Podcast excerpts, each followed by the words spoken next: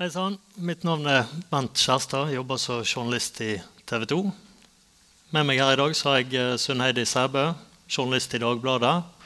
Forfatter, har skrevet boken 'Kims lek' og skriver nå bok om Kim Jong-un. Halvor eh, Kippe, seniorforsker ved Forsvarets forskningsinstitutt. Også ekspert på atomvåpen. Torben Bjørke eh, Henriksen, prosjektkoordinator eh, for Røde Kors. Er kanskje den som har vært mest i av Eller mer i Nord-Korea enn de fleste. Eh, første gang i 2003. Og godt over 20 ganger har du besøkt landet.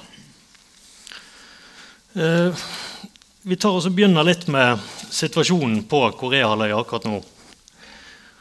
Kim Jong-un truer med å forvandle USA til et hav av flammer. USAs president svarer med at USA vil til Nord-Korea dersom de forsøker å angripe. Og Situasjonen er vel mer spent på Koreahalvøya enn hva den har vært på svært, svært lenge. Og hvor ille er det egentlig akkurat nå, Kippe? Jeg vil jo kanskje først si at eh, Noe av retorikken kan være en smule overdrevet. Eh, men det har skjedd en jeg vil nesten si, eksponentiell utvikling i atom- og missilprogrammet til Nord-Korea siden Kim Jong-un tok over, og særlig de siste to årene. De har både langt flere forskjellige typer leveringsmidler for kjernevåpen. De har mye mer avanserte leveringsmidler. Og de har etter hvert utviklet missiler som på litt sikt kan true det amerikanske fastlandet med, med kjernevåpen. Eh, og de har også nå i september testet en kjernefysisk ladning som var av størrelsesorden ti ganger kraftigere enn det de har testet tidligere. Og av størrelsesorden ti, ganger kraftigere enn det som ble sluppet over Japan i 1945. Så det er, eh, realitetene på bakken uh, har endret seg betraktelig, i tillegg til alt det politiske. selvfølgelig. Vi ser ordkrig, sabelrasling. Hvor farlig er egentlig situasjonen, uh, Sønneide? Den er jo veldig spent, og den er jo farligere fordi at Nord-Korea som Halvor Kippe var inne på, er kommet mye lenger i utviklingen av missilene og atombombene. Men jeg tror kanskje at mye av det inntrykk vi får av denne lederen som gal, paranoid, eh, er også veldig overdrevet. Um, Kim Jong-un er ambisiøs, han er hardtarbeidende, og det er et veldig sånn tydelig rasjonale i det han gjør. Hvorfor han går så hardt til verks for å lykkes med å utvikle et uh, fungerende missil- og atomprogram. Og dette er egentlig et spill som nordkoreanerne er ganske gode til? Ja. Uh, dette er noe de har bedrevet uh, altså helt siden bestefaren, uh, Nord-Koreas grunnlegger Kim Il-sung, la, la, de første byggesteinene i atomprogrammet. Det er lenge siden det, men under Kim Jong-un så har han virkelig forsert det her. og særlig de som er tett på forhandlingene med Nord-Korea, sier at det var et særlig skifte i 2015 det var et år hvor vi kanskje, kanskje kunne oppnådd noe med Nord-Korea. De var i en veldig svekka situasjon da. Um, og så falt han da ned på det valget og den strategien som vi ser resultatet av i dag. Torben, det er ikke så lenge siden du var i Nord-Korea. Hvordan opplever de menneskene du møter der, situasjonen sånn som den er nå? Jeg var der nå senest i, i september. Eh, det var en veldig spesiell uke. Det var under FNs generalforsamling, hvor både twittermeldinger og taler eh, og krigsretorikk gikk høyt. Det var Rocket Boy, og det var meldinger tilbake fra Kim Jong-un. Eh, eh jeg ble bl.a. referert Kim Jong-uns uttalelse mot mot uh, Trump uh, fra en nordkoreaner som var veldig stolt, åpenbart. Og nå et motsvar fra, fra, fra lederen. Uh, det var en grad av stolthet å merke blant de vi møtte. At de hadde nådd nå et slags klimaks i atomvåpenutvikling, og at de nå hadde, var rusta til eventuelt hva som måtte komme. Krig, da, selvfølgelig. Men da et defensivt forsvar blir da uttrykt av alle. Hvordan opplever du selv å være der når situasjonen er sånn som den er? Nord-Korea er eh, på mange måter det samme. Altså, Pyongyang skinner som aldri før. Der har det åpenbart skjedd ting de siste årene. Der har investert mye i Pyongyang. Nye, nye bygninger, eh, mange mobiltelefoner, mer biler. Eh, Befolkningen har litt mer fargerike klær. Kjent for grått og trist, og det har det for så vidt vært. og er til en viss grad ennå, Men litt mer farveprakt. Landsbygda er mer eller mindre akkurat den samme som når jeg var der første gang for 15 år siden. Og trolig også ganske intakt fra det det var for eh, både 30, 40 og 50 år siden. Det er hardtarbeidende folk som sliter med å få nok mat på bordet. De spar og graver manuelt. Tre mann på én spade. Eh, militær uniform som bidrar i samme arbeidet. Alle er mobilisert for å, for å dyrke mat. Og det er det de gjør dag ut og dag inn.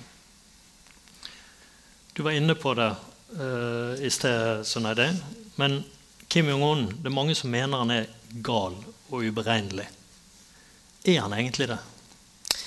Jeg kan ikke se at han er uberegnelig, men han er jeg vet ikke om det blir riktig å si at han er skruppelløs heller. for Det kan høres ut som han handle, ville handle i affekt. Men han skyr jo åpenbart ingen midler hvis man ser på f.eks. for det faktum at han tok livet av sin egen onkel. Eh, og senest nå i februar tok livet av sin egen halvbror. Eh, og en ting som har gått igjen um, den våren her hvor jeg intervjua avhoppere, så sier de De har en sånn formulering som de bruker. Lyden av skudd høres oftere under Kim Jong-un, sier de. Og i Det så legger de, det er ikke bokstavelig ment, uh, men de mener at altså, ordet sprer seg jo hvis noen har blitt henretta. Og de sier at under Kim Jong-il, som var berykta for, for henrettelser, så kunne man type høre om fire henrettelser i året, mens nå kan de få høre om at han tok sju i samme slengen, f.eks. Og Kippa, er det sånn at nordkoreanerne har overrasket ekspertene med å komme så langt som de har, med tanke på utviklingen av et uh, atomvåpen? Ja, jeg vil si det. Det er mange som har systematisk undervurdert Nord-Korea. Og det er jo ting som er vanskelig å få til for, eh, for land som ikke har det beste samarbeidet med, med andre også. Særlig de framskrittene de har hatt det siste året på, på store, store rakettmotorer som er effektive så effektive at du kan bygge missiler som, du, som, er små nok til at du kan frakte dem rundt med lastebiler. Eh, og Du slipper å ha dem sittende i siloer og vente på å bli slått ut.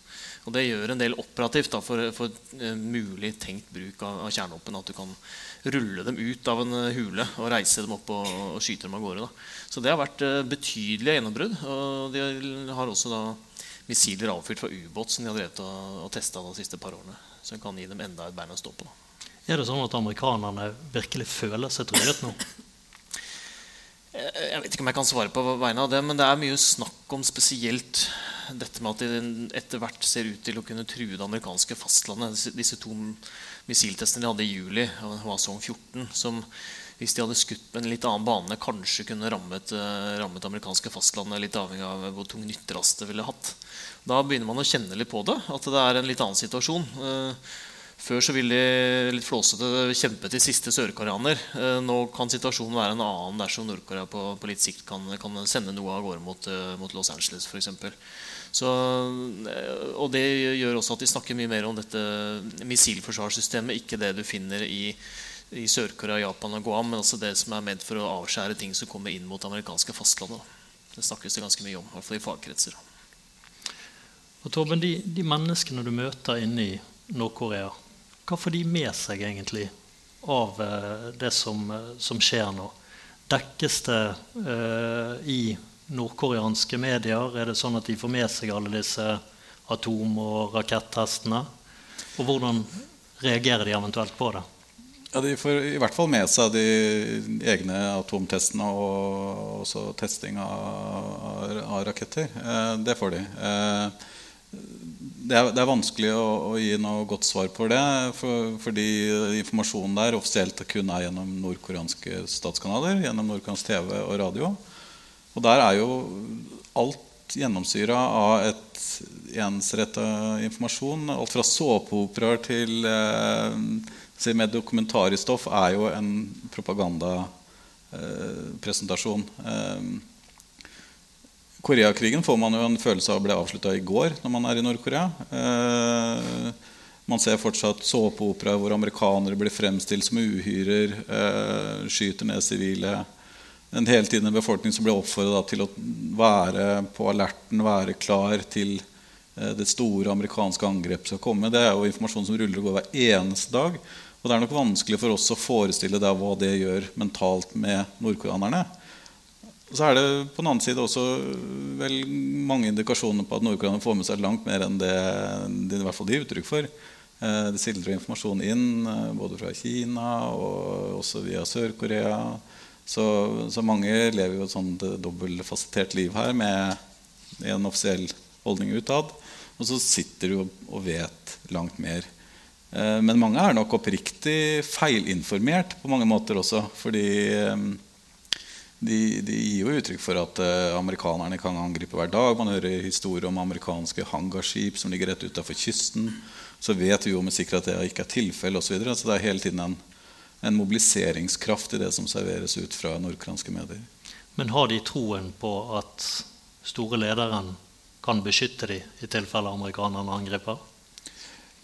Ja, hvis man Hva skal jeg si til det?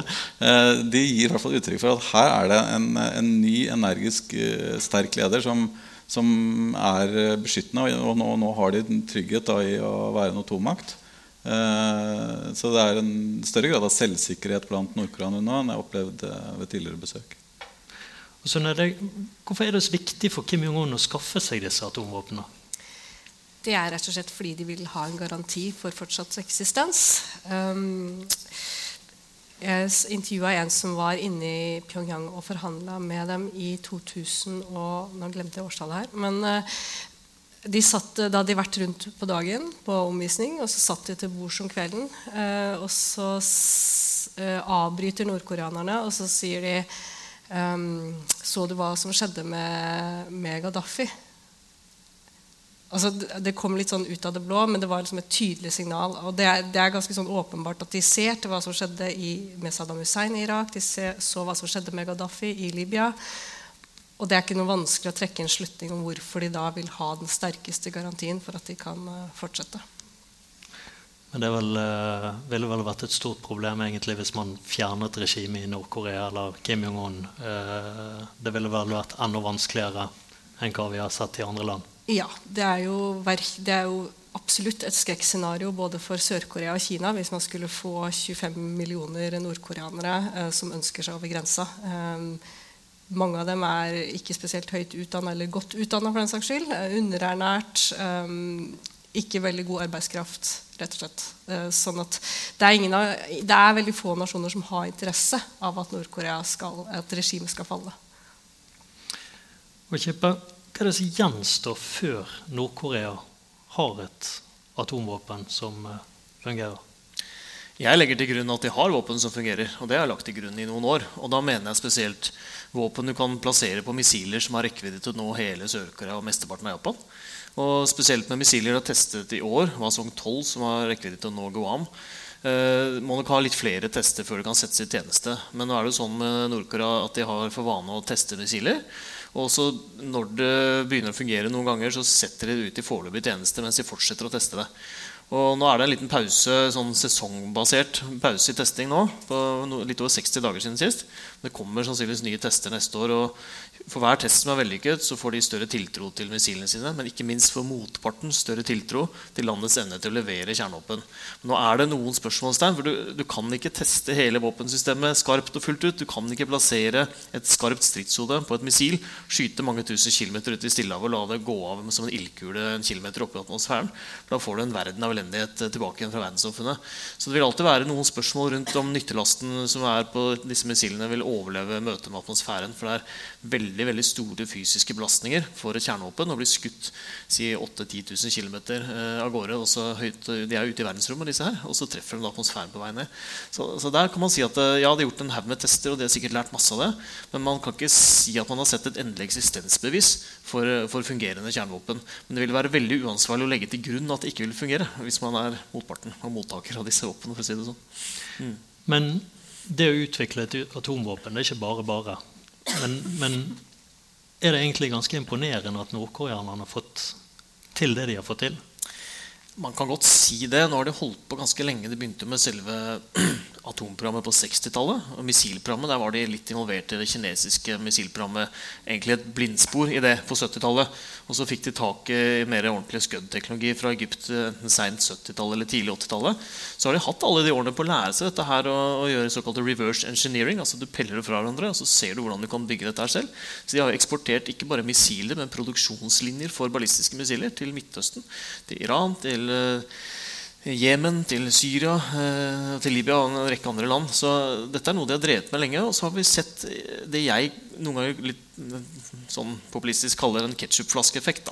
Siden du har hatt flere utviklingsspor i mange år, så, så, er en del av de sporene som kanskje modnes samtidig. Så, så, vi har sett en del ting nå de siste få årene som har kommet samtidig. Og Det er sikkert eh, noe med ressurstilfanget også, men jeg tror det er det at de har de har modnes eh, på mange år. Og det er særlig den missilbiten som vi ser veldig tydelig fordi det er mye tester. Men i, atom, i atomsektoren har de også vært i bransjen lenge. Da. Så det, der er det jo heller ikke måte, altså Når du kan produsere materialene, så er det ikke den store heksekunsten å, sette det sammen til en ladning som fungerer. Da. Så er det, Kim Jong-un strekker strikken ganske så langt og har vel strukket den lenger enn eh, veldig mange andre som har eh, fått smake på amerikanernes vrede. Mm. Men hvorfor kommer Kim Jong-un unna med det så langt som han har gjort, eller, som han har gjort det nå? Mm. Det som skiller Kim Jong-un fra f.eks. faren, er jo at han tester jo For han er det ikke en test bare et mål for å komme til forhandlingsbordet. For han er det et mål å drive det framover og få um, fungerende missiler. Um, og han slipper jo unna med det, for hva er alternativet til amerikanerne eller Sør-Korea? Um, det høres veldig lett ut når f.eks. Trump svarer uh, Kim Jong-un etter nyttårstalen. Uh, Kim, Kim Jong-un sier i nyttårstalen vi er i siste fase av å teste et langdistansemissil. Og så svarer Trump 'not gonna happen'. Men det skjedde jo. Eh, for det er ikke hvilke, hvilke eh, handlingsalternativer har egentlig USA og Sør-Korea. Um, og det kan jo holde å kippes i en del om også. Um, Sør-Korea si sånn, veldig, ligger veldig utsatt til. Og i Sør-Korea bor det, er det 300 000 amerikanere, For, eksempel, for å starte der. Og det, Halvor, er jo spørsmålet mange stiller seg. Hvorfor angriper ikke bare amerikanerne og blir ferdig med hele problemet? Mm. Jeg tror det er viktig å minne seg selv på det at eh, kjernevåpen Ja, det har vært en del av spillet fra nordkoreansk side nå de senere år. Men eh, de sidene fra Korea-konflikten eh, har jo avskrekket hverandre militært siden den konflikten fikk en, en våpenstillstand. Det er jo grunner til at man ikke har hatt noen storskala trefninger. Man har hatt massevis av mindre trefninger og til og med, dø med dødelig utfall. Spesielt mellom Nord- og Sør-Korea. Senest i 2010, som jeg kan huske. Men, men det er jo det at de, hvis dette eskalerer, så er det, jo, det er jo veldig militariserte stater som står mot hverandre. og Noen snakker om at Nord-Korea har rundt 11 000 artillerienheter, altså kanoner. Og noe er selvpropellert, altså rakettdrevne granater som kan nå da helt til Seoul. Som ligger ganske tett i den demilitariserte sonen som vel alle dere har vært ved. Så altså når du kan trekke en kanon ut av en fjellhall og avfyre den på minutter og skyte tusenvis av enheter mot, eh, mot, en storby hvor hele jeg tror hele storbyområdet er vel 25 millioner innbyggere. eller der omkring. Det er jo det i seg selv eh, ganske demotiverende å tenke på. Hvis du skulle tenke på å gjøre noen type angrep mot f.eks. atomanleggene eller, eller missilutviklingsanleggene. Og det er jo bare én av mange ting som de kan finne på å gjøre. Da, men det er kanskje den mest opplagte tingen da, som de kunne ta i bruk. Og du vet jo heller ikke hva de har av Altså En ting er eksplosive granater, men de jo, demonstrerte jo for verden at de har VX, da, som er eh, det mest avanserte kjemiske stridsmiddelet av de si, anerkjente kjemiske stridsmidlene. Mm. La oss kalle det det. Ja. Men eh, Torben, blant hjelpeorganisasjoner, diskuterer dere de konsekvensene en eventuell eskalering av konflikten vil ha? Ja, vi gjør det. Eh, men å planlegge for de scenarioene som skisseres her, det er eh, utafor de fleste hjelpeorganisasjoners eh, egentlig rekkevidde. Operere i Nord-Korea er vanskelig nok fra før. Det er vanskelig å få tilgang. Vi har f.eks. ikke tilgang til hele landet. Vi vet jo ikke alt om Nord-Korea, og vi vet ingenting om enkeltområder. Det er en ekstremt sårbar befolkning fra før. Så det er jo skrekkscenarioer. Det er en fullskala krig, men også en, ja, en mindre krig ville vært katastrofal. Det er befolkning som ikke har noe som helst, eh, og vil, eh, vil flykte, som, eh, som du sier her i da, De kan jo stort sett flykte bare én vei, og det er mot Kina. Så å planlegge for en sånn scenario det er veldig krevende. Det vil jo være en situasjon som kanskje verden ikke har sett, sett tidligere. Kanskje med parallell til Syria. Men Du har vært mye rundt i landet. og Hvordan er egentlig situasjonen for mennesker i Nord-Korea i dag? Det er eh, nesten to verdener i, i Nord-Korea. Det er Pyongyang, som er en, eh, en eh, som, som, de aller fleste kjent til, er en privilegert by. Eh, kanskje sammenligne det med levestandarden på den kinesiske landsbygda. Eh, hvis det gir noe mer mening. Eh, og så har du den nordkoreanske landsbygda, som er ekstremt fattig, nedslitt, under, eller bortprioritert av, av myndighetene. Eh, hvor befolkningen i all hovedsak har overlatt til det selv, basert på en, eh, fortsatt på en, hva kan kalle en eh, gammel kommunistisk, stalinistisk jordbruksmodell med landbrukskollektiver, årsmål, femårsmål, stadig produsere mer osv. Veldig lite, veldig statisk på alle mulige måter bil er et luksusgode. De går og de sykler. Eh, ja, lever veldig enkle liv eh, og har veldig lite. Mange som sier at i Nord-Korea så lever man hele tiden på kanten til en hungersnød. Mm. Nå har det vært en veldig dårlig avling i år. Stemmer det?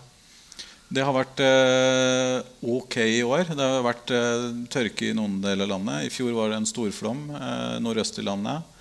Eh, og som, som, du peker på, det er jo et eksistensminimum fra før.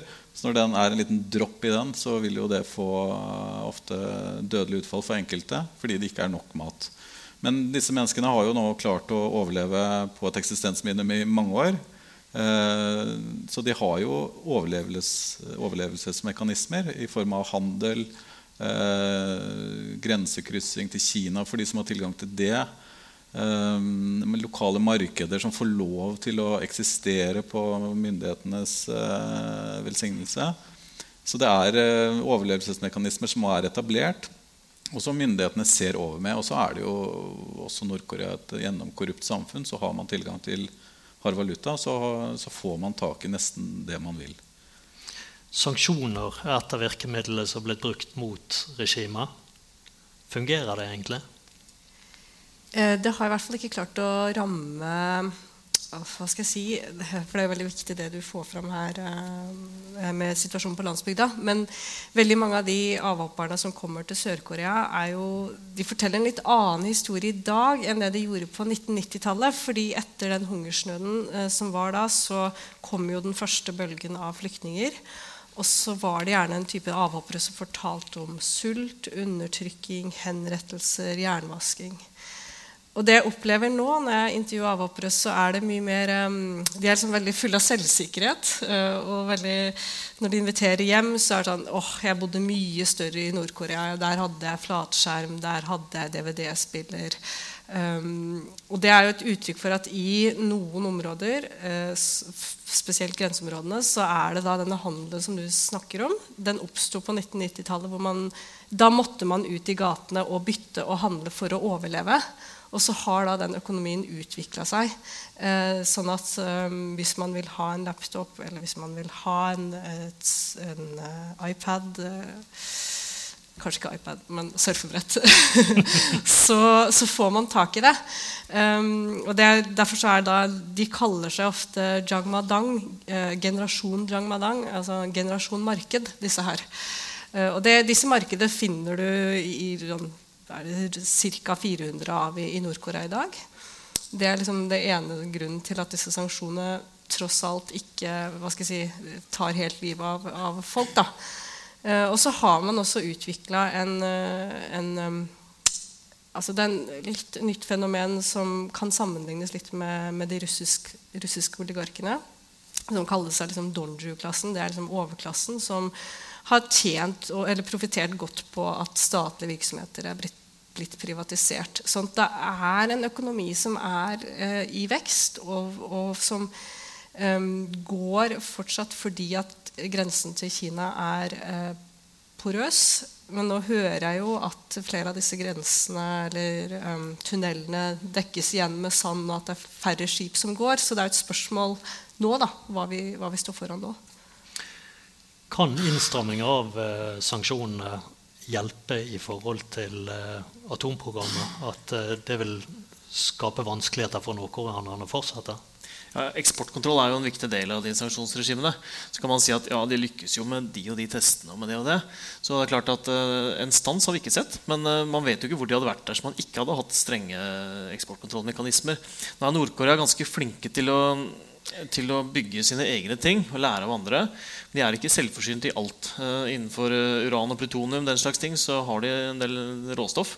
Men når du ser på f.eks. missilteknologi, så er det spesielt når de tester romraketter, og det er vel i februar 2016 tror jeg, sist de gjorde det, da er det sånn at de melder fra at her kommer de og de rakettdelene til å falle ned. Pass dere å ikke ha noen fiskebåter her. Og så kommer man ut, og så er det om å gjøre å ta dette fortest mulig. Og Da får jo noen ganger sørkoreanerne tak i disse vrakdelene før, eh, før Nord-Korea gjør det selv. Og Da kan du åpne opp og se. Da, ok, ja, Den brikken her står det USA på, og denne står det Nederland på. ikke sant? Så, og Dette kan man lese om i sånne, eh, sånne ekspertpanelrapporter fra FNs sikkerhetsråd. altså hvor, Hva man har avdekket. da, Det fins en del bildemateriale også på, på duppeditter som er nødvendig for å, for å, ha tilstrekkelig god styring eh, spesielt av, av missiler. Så, så helt selvforsynt er det ikke. og men de, man klarer heller ikke å, å, å, tette dette helt igjen. Eh, det er særlig Kina man peker på at eh, en ting er grensen de har. men det er vanskelig tror jeg, for kinesiske myndigheter samme hva viljen er, å håndheve eksportkontroll fullt ut. Det er folk som har penger å tjene på å selge dette her videre. De kan kjøpe det fra Japan. altså Kinesiske selskaper kan kjøpe teknologi fra Japan, fra USA fra Vest-Europa. De kan reeksportere det til, til Nord-Korea. Og Det er krav om sluttbrukererklæring og den slags ting. Men de kan man forfalske. Så Nord-Korea og en del andre land som er utsatt for sånne ting, de har perfeksjonert den kunsten og anskaffer dette her via via. Og Et nokså sånn, ja, nesten litt komisk eksempel er at uh, det ble fortalt av noen her for litt siden at uh, Kim Jong-uns uh, En av bilene hans Han har en pansra bil. den ble visstnok Selve pansringen ble visstnok utført i USA. Så da har de altså eksportert en bil til USA. Pansra den der og importerte den tilbake til Nord-Korea. Med, med forbehold om at dette stemmer. Og det er jo litt å peke nese også til verdenssamfunnet. Ja. Ikke sant? Sånn er det. Uh, ja, uh, og det er jo litt sånn uh, i, Med tanke på drapet på Kim Jong-nam i februar, så kasta jo det et søkelys over Nord-Koreas aktivitet i Sørøst-Asia. Og det viser jo at Selv om vi ser på Kina og legger stort press på Kina, så uh, forteller jo den historien om altså utstrakt bruk av stråselskaper, ulovlig eksport av våpen, luksusvarer, hvitvasking av penger. sånn at ja, Det er ikke bare et spørsmål om å legge press på Xi Jinping. Mm. For det, det, er jo også noe som er litt spesielt å se inne i uh, Nord-Korea. For det, det, mangler jo ikke på luksus heller, spesielt i Pyongyang. Nei, luksusvarer får man tak i, og nesten alt hva hjertet kan begjære. Eh, til og med sett Hummer i Nord-Korea. Så uh, har man penger, så får man tak i det man vil. Kinesiske forretningsfolk er det jo mange av. Det er vel stort sett de som fyller opp de få avgangene inn til Pyongyang. Eh, de har jo nå i all hovedsak forlatt landet eh, pga. sanksjoner. At det er vanskeligere å drive forretning. Eh, sanksjonene slår jo, slår jo, inn også nå. Nå er det jo oljepriser og bensinpriser som da angivelig er høyest i verden. Eh, så er det et paradoks når jeg også da kjører gjennom en, eh, den nest største byen i, i Nord-Korea, Hamhung, og ser velfylte butikkhyller så puslespillet stemmer ikke helt. Jeg har aldri sett så, så velutstyrte butikker noen gang. Eh, og så får jeg ikke noe, selvfølgelig noen gode svar når jeg spør om hvorfor det er sånn. Men uh, jeg møter da en landsby eh, kollektivleder som sier at nå er det verre enn noen gang. Matprisene øker, vi får ingenting. Så er da butikkene velutstyrte. Så, og ting kommer åpenbart inn via andre kanaler. Og mennesker har penger til å handle i disse butikkene? Det er veldig variabelt. Det er ofte basert på enten gode familieforbindelser, tilgang eh, gjerne til eh, de som kan eh, innføre hard valuta. Hard valuta er jo egentlig alt som ikke er nordkoreanske bånd. Så kinesisk yuan er jo hard valuta i Nord-Korea. Men det er ofte familieforbindelser, tilgang til en, en business.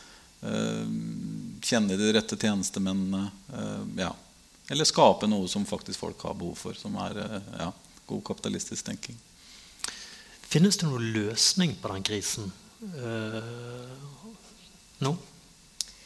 Jeg tenker at hvis man ønsker å få til en løsning med Nord-Korea, så tror jeg at vi er nødt til å innse at de ikke kommer til å gi opp eh, sitt atomprogram. Jeg tenker at det er, ingen, eh, det, er ingen, det er, ikke rasjonelt å tro at de skal være villige til å, til å, gjøre det. Det var insentivet deres for å gi det opp når de har, brukt, eh, når de har holdt på siden 60-tallet med å utvikle det her.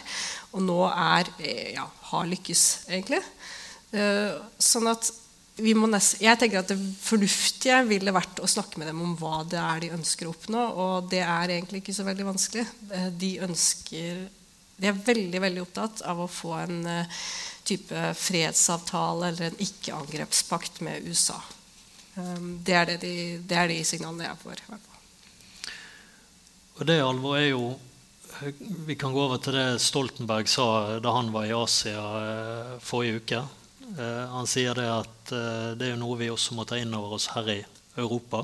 For de atomvåpnene som nordkoreanerne utvikler, de har en rekkevidde som også utgjør en trussel mot vår del av verden. Ja. Det er 7500 km fra Nord-Korea til Norge. Det er vel ca. 10 000 km fra Nord-Korea til den amerikanske vestkysten. Så rammer du den amerikanske vestkysten, så er det en enklere sak å ramme Norge hvis man skal sette det så på spissen. Men jeg tror helt ærlig at Norge ikke er veldig høyt på lista over mål. Så jeg ønsker ikke å skremme noen. Nei, men, men, det er jo også et poeng eh, oppi det hele. Det er jo det at nordkoreanerne ønsker å utvikle et atomvåpen. Men er det nødvendigvis for at de har planer om å avfyre det med en gang det er klart? Nei. Det, det, det er, du kan sikkert ikke gni det inn for ofte. For oss som jobber med det, så virker det litt selvsagt. Men det er jo et avskrekkingsmiddel. dette her. Det er ikke, det er ikke en selvmordsvest. ikke sant? Alle skjønner jo at det vil komme noe mye mer tilbake enn hvis de skulle avfyre dette her mot USA eller dets allierte. Så det handler eh, mye om den der maktbalansen. Vi snakka litt om dette her tidligere også. at eh, ja, de har kunnet true nå eh, naboene sine med kjernevåpen i noen år eh, med en grad av troverdighet. Men da har alltid USA vært i bakhånden her. Og da har USA kunnet tre inn i en konflikt uten risiko for at nordkoreanske kjernevåpen skal treffe deres eget fastland.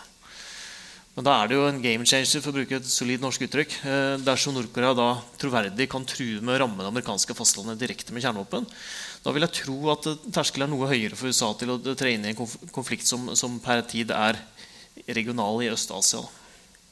Så du kan frykte en svekkelse av allianseforpliktelsene, rett og slett da.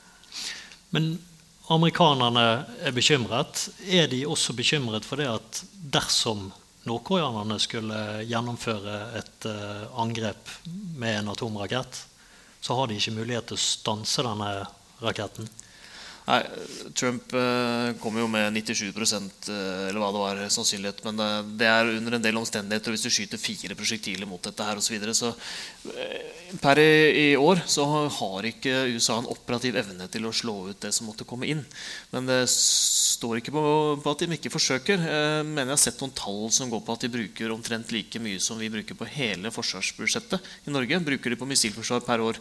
I hvert fall i 2016 eller når det var. Så det går med en del penger penger. Og dette har vi også drevet med siden Det er ikke bare Star Wars-programmet eh, fra 80-tallet, men altså fra 70-tallet har vi holdt på med musikkforsvar. Så, og det er veldig veldig krevende. Altså det er som å skyte en geværkule med, ned med en annen geværkule, for å si det litt, litt sånn populistisk. Eh, men de kommer til å pøse milliarder av dollar inn i dette her i, i alle år framover. Eh, og de har ikke så veldig mye annet svar. Altså, noen av oss husker tilbake til Rumsfeldt-rapporten i 1998 eller om den kom ut til 99, i hvert fall så var det som en respons til en romrakett Nord-Korea skjøt opp i 98 over Japan. Det ble full panikk, men det ga liksom en sånn Ja, nå er det kanskje ti år til Nord-Korea kan true USA med, langtrekkende missiler. Eh, nå tok det jo fram til 2017 før det skjedde, av ulike grunner. Men det er noe som man har snakket om i alle disse årene, og ennå så har man ikke et operativt missilforsvar. Du var inne på det tidligere. Det, det, det er mye endring som skjer i Nord-Korea. Eh, vi har sett det i veldig stor grad eh, etter at Kim Jong-un overtok eh, makten. Og hva er de største endringene man ser inne i landet? Ja, det er jo hvilket perspektiv man tar. Altså, jeg har reist til Nord-Korea de siste 15 åra. Det har jo alltid vært viktig for statslederne i Nord-Korea, Kim Il-sung, Kim Jong-il og nå Kim Jong-un, å være allfaderen, den som gir befolkningen alt fra vugge til grav. Det var nok ikke forgjengeren til Kim Jong-un så god på. Han hadde kanskje verken, i hvert fall ikke ressursene til det, og prioriterte heller ikke. Det vi ser kanskje nå i større grad fra, fra Kim Jong-un, er at han har, fall, evne å løfte levestandarden spesielt hos befolkningen i, i, Pyongyang opp et nivå. Også gjort byen mer eh, attraktiv, for å sette det ordet på det. Eh, den skal skinne til enhver tid. Eh, Nordkoreanerne opplever nå en større stolthet av hovedstaden sin. Alle biler som nå, så la jeg merke til det nå sist, alle biler som skal inn til Pyongyang Det er satt opp vaskehaller rundt byen nå, for at alle bilene skal være rene når du kjører inn i byen. Eh, så det er den type Det ser jo veldig pent ut eh, sånn fra utsiden, men går man nærme nok, så ser man jo med en gang forfallet. Det er jo fortsatt plastikkdekker istedenfor glass i vinduer. Mangel på oppvarming. Eh, veldig enkelt. Så det er jo en, en, en fasade og en, en, regi på hovedstaden. Um, og dette bildet her får jo befolkningen også på landsbygda servert. Hvor fantastisk flott det er i Pyongyang. En verden som de egentlig bare kan drømme om. Uh, som de får se gjennom fjernsynsskjermen. Eller de få gangene de blir tatt med på en organisert tur til et eller annet type kulturarrangement i Pyongyang før de da blir bussa tilbake igjen til, uh, til byene sine, landsbyene sine. Uh, Pyongyang er også omgitt av en sikkerhetsmur rundt med sikkerhetssjekk i flere ledd før man kommer inn. Så man har ikke anledning helt til å reise til hovedstaden hvis man ja, skulle ønske det. Men det er gjennomgående en liten velstandsøkning i, i, i hovedstaden. Mobiltelefoner har blitt utvikla. De har sitt eget intranett, hvor de får servert noe nyheter gjennom en slags smarttelefon. Eh, men igjen, det er jo da nordkoreanske nyheter. Så det er sånn taekwondo-nytt og, og, den type informasjon. Um, så de, så, de, så de, opplever nok For nå er vi liksom en del av verden. De viser med stolthet fram bilder av barna sine på mobiltelefonen, sånn som vi også gjør. Uh, så de, de, vil jo identifisere seg også med utlendinger. De har ikke lyst til å være en merkelige ja, skapningen som de vet at de, i hvert fall mange blir framstilt som. Eh, så det, det har, har, vært en endring. Også det at nordkoreanere tar eh, kontakt på gata i Pyongyang. Eh, noe som vi ikke opplevde før. Da kunne vi oppleve det stikk motsatte. at de liksom, Hvis de kom mot på fortauet, så gikk de og kryssa gata. trolig da i frykt for at de ikke skulle være for nærme oss som var utlendinger. og Det kunne skape et problem for dem selv. Så en endring. Men samfunnet er jo rigga for eh, en, en, en statisk eh, ramme. Eh, regimets overlevelse er det som teller. Så åpne opp for større reformer. Det er jo mer et, sånt, et tre som vokser. Disse markedskreftene som eh, nå beveger seg i landet, eh, har vokst fram av eh, ja, matmangel og ressursmangel. Eh, men offisielt så er jo det samme rammene i dag med landbrukskollektiver, eh, regler som, eh, som Kim, Kim Il-sung innførte på 50-tallet osv. Som fortsatt er liksom gjeldende paragrafer i landet. Atomvåpenprogrammet er det mye snakk om. Men har Kim Jong-un andre mål som landets leder? Absolutt. Og det kommer egentlig veldig dårlig fram. Og det er kanskje fordi at vi i Vesten er veldig veldig opptatt av hver eneste uttalelse han kommer med som handler om uh, atom- og musikkprogrammet. Uh, men hvis man ser på talene han holder, nyttårstalen nevnte jeg, um, men også talene han holdt under partikongressen, så snakker han faktisk veldig mye til de yngre generasjonene og ungdommen. Og han har til dels erkjent at han har ikke gjort nok for å bedre levestandarden deres. Han har sagt at det holder han våken om natta. selvfølgelig. Um, og Så kan man tolke det hvordan man vil, men er, jeg syns det er interessant å se at såpass mye av talene legger vekt på, på ungdommen. Um, og han har jo kalt uh, sin politikk Byungjin, uh, som betyr begge. Um, altså det at han både skal gi økonomisk utvikling og atomvåpen. Um, og han står i en sånn derre hva skal jeg si, Han står i den spagaten og det samme spennet som landet han står i nå. Du har landsbygda, som Torben snakker om, hvor, hvor det egentlig er det helt sånn preservert sånn som det var på 50- og 60-tallet. Og så har man da byene og grenseområdene og disse fremveksten av en kapitalisme. Um, og det, er, det, ser man på en måte at han strever med å løse. for i det ene, en periode så går han veldig hardt til verks eh, og skattlegger da disse, denne donju-klassen, denne overklassen.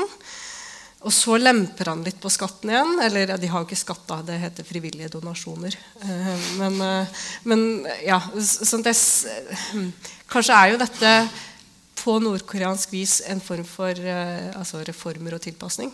Selv om hans midler er uh, type henrettelser og ja, litt mer brutale midler enn det man har i norsk skattepolitikk.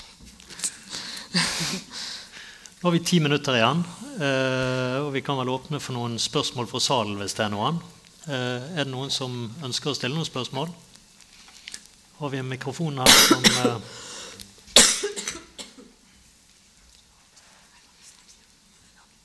kan begynne her foran eh, hos nummer to her borte.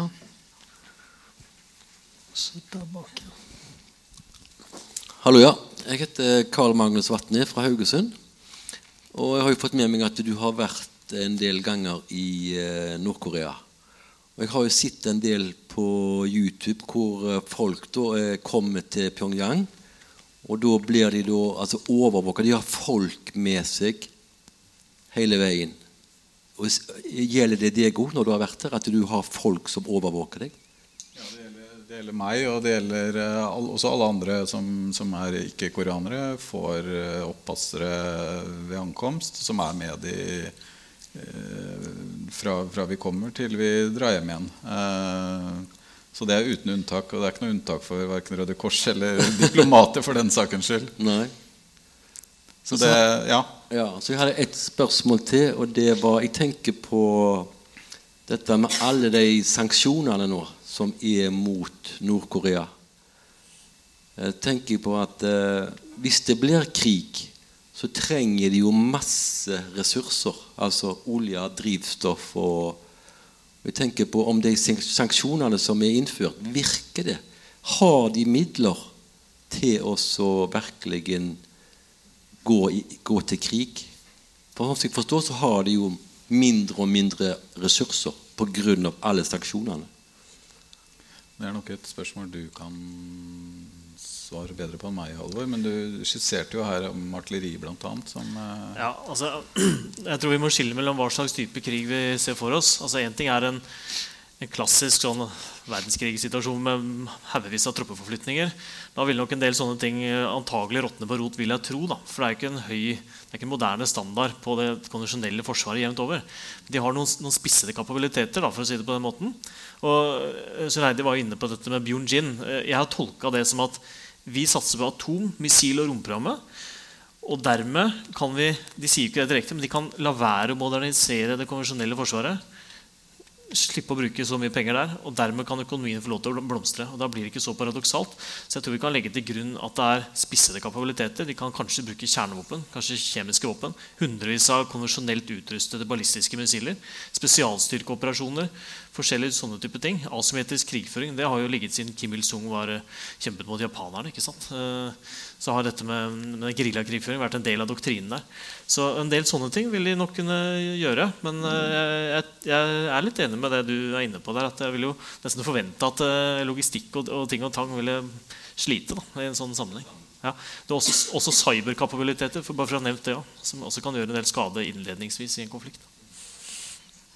Vi har et spørsmål her bak også. Hei. Eh, Stine Rødmyr heter styreleder i Nei til atomvåpen. Jeg har et spørsmål. Du, du sa at eh, Nord-Korea og Sør-Korea har en etablert avskrekking seg imellom. Eh, men hvorfor har ikke amerikanernes atomvåpen avskrekka Nord-Korea fra å skaffe seg atomvåpen? Ja, det, det er veldig, veldig godt uh, Godt spørsmål, egentlig. Eh, jeg er vel ikke noen sånn eh, helt entydig tilhenger av eh, at kjernevåpen skal avskrekke alt mulig i alle andre land. Så, og dette er jo som du vet også veldig omdiskutert i fagkretser rundt omkring. Så det er ikke noe sånn silver bullet for noen ting. USA hadde jo også kjernevåpen stasjonert i Sør-Korea fram til 1991. Og de trenger ikke å ha våpen der. De, de, kan ramme hvem de vil med kjernevåpen når de vil. Fra både landbaserte missiler og ubåtleverte missiler. Så det, det handler ikke, altså alt handler ikke om, om eh, kjernevåpen. og det, Du avskrekker ikke nødvendigvis andre land fra å skaffe kjernevåpen. hvis du ser på, Suneide nevnte Gaddafi og Saddam Hussein. Begge de to hadde jo hemmelige atomprogrammer. Eh, så kan man si at de var dumme nok til å gi opp disse programmene før de ble modnet. i den grad Nord-Korea eh, har gjort da. Så Det er også en veldig farlig lærdom å, å trekke. og Sunn Heidi nevnte det, at avhopperne eller hvem det var, hadde tatt opp dette her, og jeg har sett i andre sammenheng, at De viser konkret til Libya og Irak i sin logikk. Se hva som skjedde med disse som ville samarbeide med Vesten og med USA. De ga opp sine atomprogrammer, dumme som de var. Nå, nå er de døde. Så det er en veldig skummel lærdom. Vi hadde ett spørsmål der bak først, og så kommer vi til deg etterpå. Ja. Uh, hei.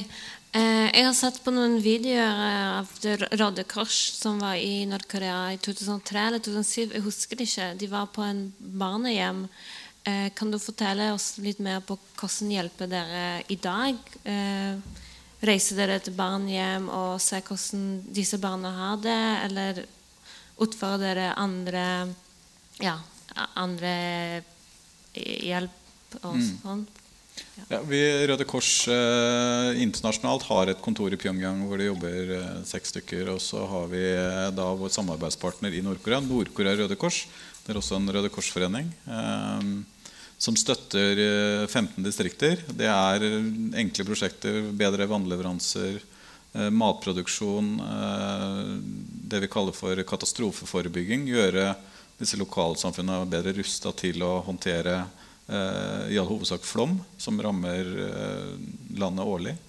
Eh, førstehjelpsposter. Eh, vi gjør noe vi normalt ikke gjør i Nord-Korea. Distribuerer medisin til sykehus. Eh, så det er enkle, basale prosjekter i 15 distrikter. Barnehjemsprosjekt har vi, her, barnehjem har vi besøkt. Men vi har valgt å ikke engasjere oss i, eh, i disse prosjektene fordi det er, ja, av flere grunner. Ja. Ehm, jeg heter Kim Grønberg. I 40, 50, 60, 70 år så har jo de malt et bilde av en fiende. Så jeg bare lurer på befolkningen om de, om de til slutt gjennomskuer uh, denne, uh, dette, dette, bildet de maler av en fiende, og spesielt nå som Eh, forskjellene øker mellom Pyongyang og landsbygda. Om, om det er noen fare for at uh, det kan bli en borgerkrig, og uh, om denne misnøyen kan manifestere, manifestere seg i noe, noe større. Da. Er det, jeg vet ikke om um, Er det noe opposisjon? Er det det du tenker på? Ja. Og hva oddsen er for at man kan iverksette en en eh, borgerkrig? Eller er, har de så stor kontroll på sin egen befolkning at det ikke er aktuelt? Det fins jo ingen opposisjon, selvsagt. Og det, jeg opplever heller ikke at det fins et type undergrunnsmiljø som man ser i andre regimer. Um, og som du sier, så er det jo, De har jo skjønt uh, at, at, de ikke lever i et sosialistisk paradis. De har skjønt at de ikke bor i verdens beste land. Um, flere undersøkelser blant avhoppere som er kommet til Sør-Korea, viser jo at nær åtte av ti eller flere har sett type sørkoreansk såpeopera eller amerikanske filmer. Så de er jo da innforstått med at, at uh, deres levestandard er mye dårligere. Men det betyr ikke at man det virker ikke som at det i seg selv fører til en sånn type politisk tenkning og refleksjon, og at det eh, munner ut i et type opprør. Altså. Eh, der ser man liksom ingen um, ja, det, det, ser ikke ut som det er noe, at man knytter de to tingene sammen. At det å se underholdning forløser seg i en type politisk uh, handling. Ja. Så er det litt det som vi var inne på uh, når, vi, når, vi, satt og pratet i sted. Det, det er jo også store forskjeller innad i Nord-Korea. Mm. Mye av de historiene, Mange av de avhopperne vi, vi, hører historier fra, de kommer fra de nordlige delene i, i landet. Mm. Der de har eh, mye større grad av kontakt ut mot mennesker i Kina. det er også eh, i mye større grad eh, påvirkning fra utlandet. Er ikke, er ikke vi enige Jo, det er helt riktig. Ja. Um, um, det er veldig sånn, når vi får informasjon fra Nord-Korea, så er det veldig ofte avhoppere. Og da er det greit å ha i bakhodet at uh, de er jo da enten så er det informasjon man har fått fra Pyongyang, eller så er det da fra, som du sier, fra grenseområdene. at det er ikke representativt. Uh, og selv du har jo ikke vært inne i alle deler av landet heller. Så ja, det er det ene. Er det noe, vi har vel kanskje tid til et siste spørsmål her.